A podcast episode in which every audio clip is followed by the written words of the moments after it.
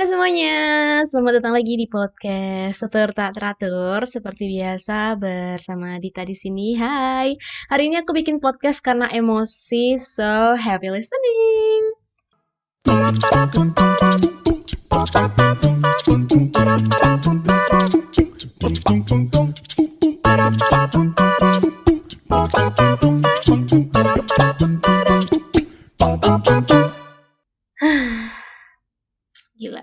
Udah kedengeran belum merasa muak dan lelahku? Gak gitu guys. Hari ini aku bikin podcast karena aku emosi Dan aku gak tahu mau melampiaskan ke siapa Karena kalau melampiasinnya lewat chat Atau ngobrol sama teman-teman di WA itu kurang ya. Jadi aku mau me mengeluarkan segala emosiku di podcast ini. Kenapa aku emosi? Itu karena minggu inilah minggu UTS Dan iya seperti biasa hal-hal yang sama terjadi lagi dengan sama persis dengan uh, apa ya kejadian-kejadian sebelum-sebelumnya aku UTS dan uh, hari ini aku mau ngomongin mau cerita soal gimana sih dua tahun kuliah online dan gimana rasanya da kita dapat dosen-dosen yang kadang minim banget per, minim banget permakluman dan toleransinya ke mahasiswa. Dan ini untuk para dosen ibu bapak dosen aku yang terhormat yang sangat saya hormati dan sangat saya hargai sebagai seorang dosen yang telah memberikan ilmu yang sangat berharga kepada saya yang tidak tahu apa-apa ini tapi di sisi lain saya lah, hanyalah seorang anak yang pengen membanggakan orang tua saya yang pengen punya anak S1 dengan biaya kuliah yang sangat mahal tapi saya mendapatkan apa ya kualitas uh, apa ya kualitas ilmu yang menurut saya bukan masalah ilmunya tapi kualitas bagaimana mereka mereka mereka ini mengajar saya gitu ya mengajar aku di kampus. Tapi dengan uang yang segitu banyak yang aku keluarkan aku merasa nggak dapat apa-apa gitu. Dengan banyaknya kekurangan dengan banyaknya kendala-kendala juga. So let's go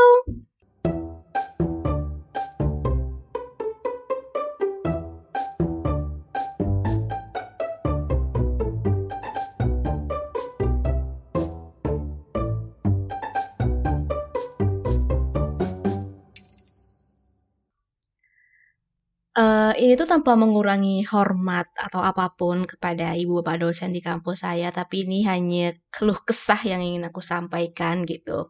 Sepanjang aku mengikuti perkuliahan online ya, garis bawahi perkuliahan online yang sebenarnya terdapat banyak sekali kekurangannya gitu.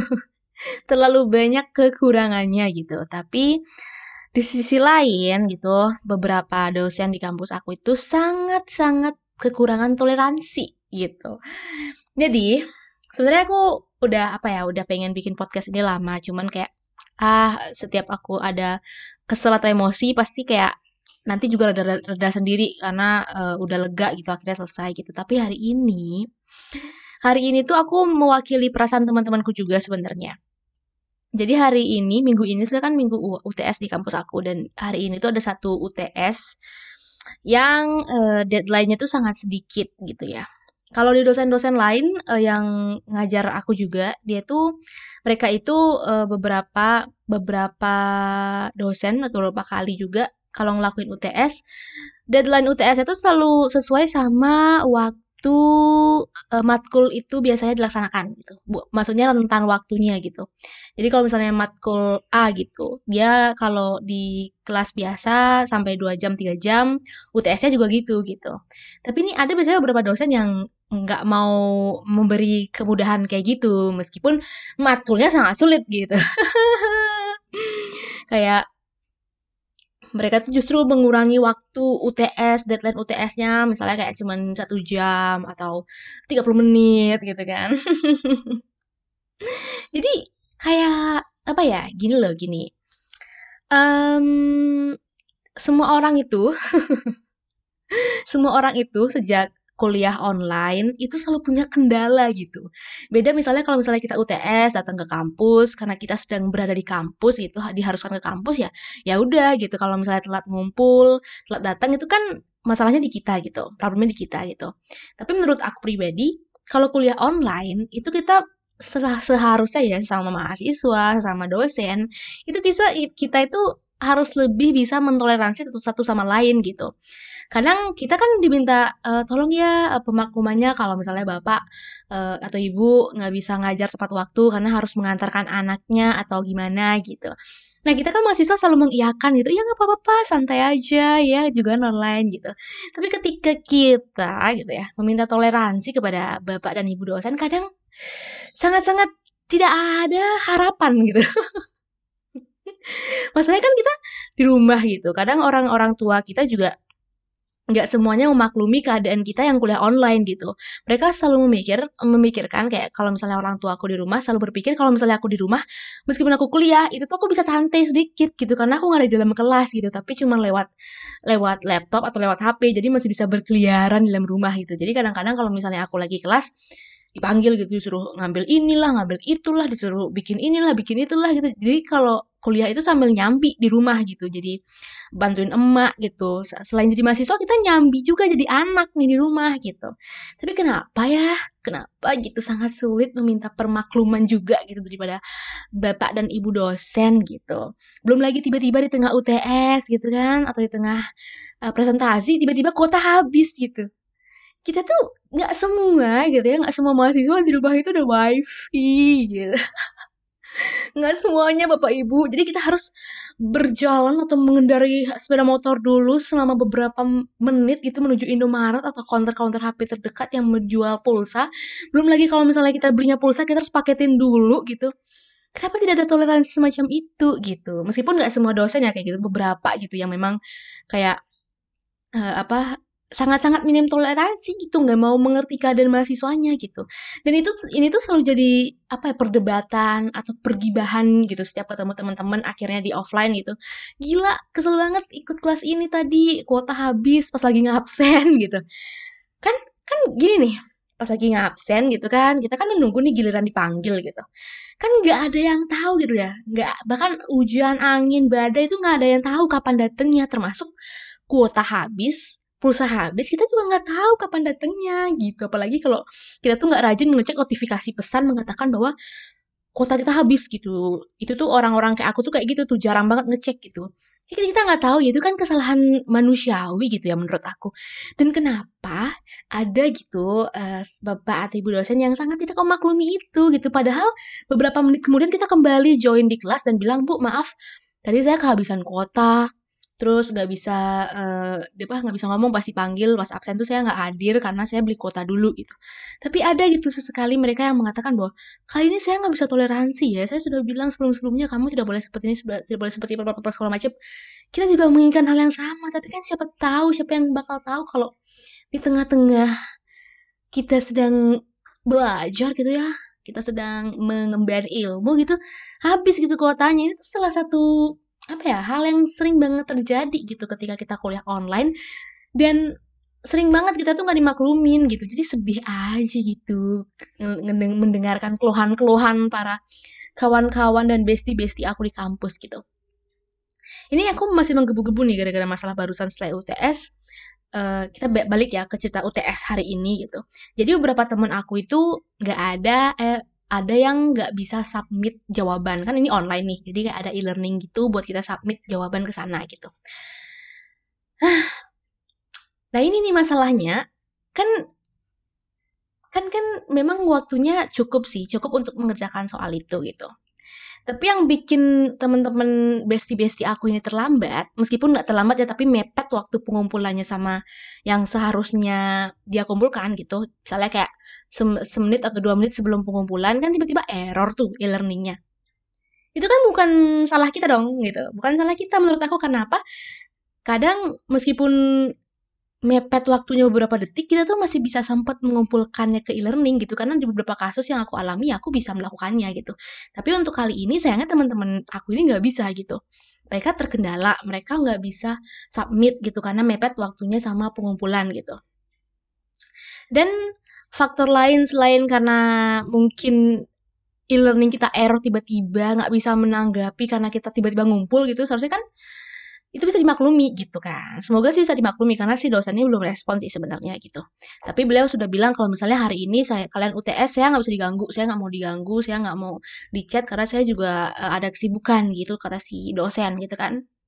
Tapi ini juga salah satu hal yang paling lucu ya di dunia kita yang serba teknologi saat ini di dunia kita kuliah online kerja online ini kenapa masih melakukan hal yang aku nggak mempermasalahkan sih kalau misalnya ini terjadi gitu. Karena beberapa dosen juga melakukan hal yang sama gitu. Ngasih ketentuan yang sama bahwa UTS harus ditulis tangan gitu kan. Tapi maksudnya gini loh.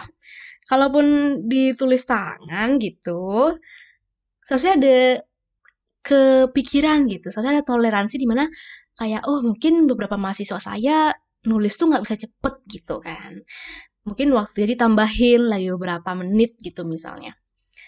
Kayak aku kalau aku nulis cepet terus saya jadi kayak ceker ayam gitu. Kalau terlalu pelan ntar nggak sempat ngumpul gitu. Jadi kan serba salah gitu ya.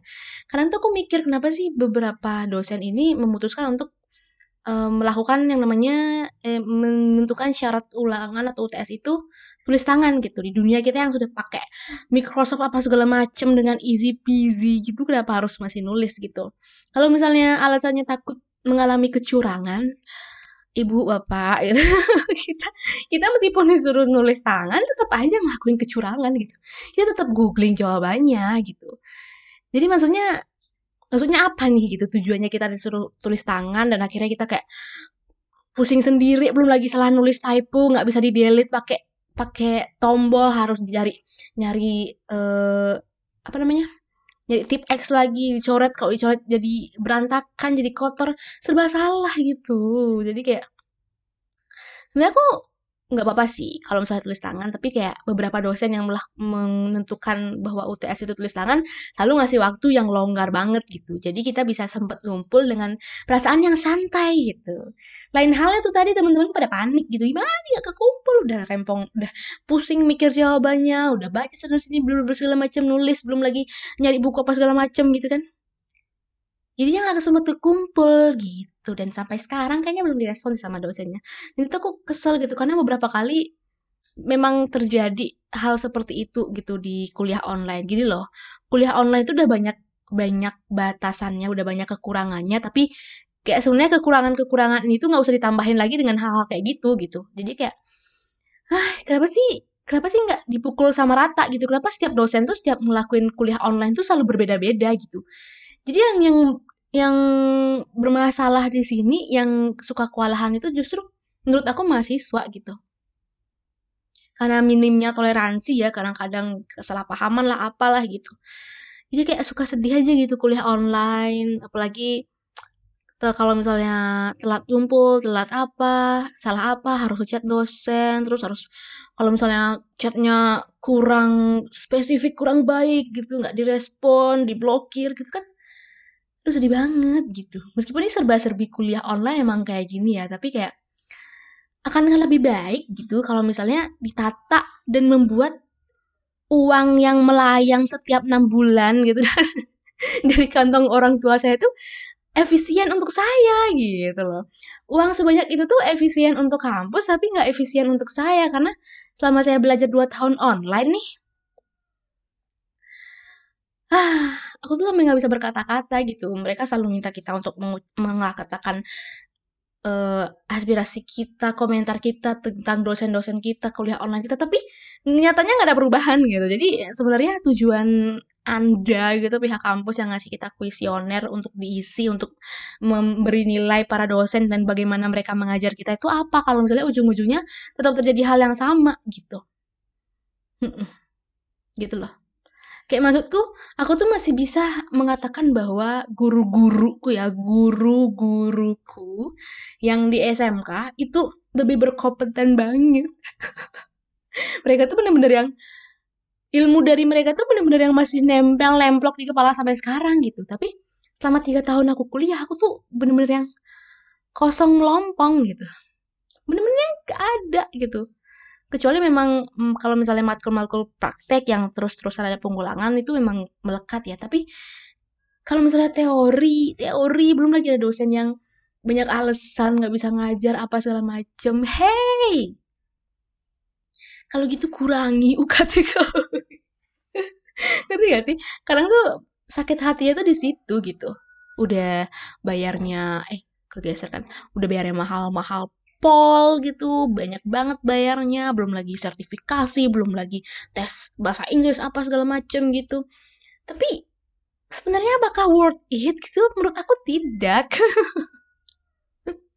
Karena apa ya?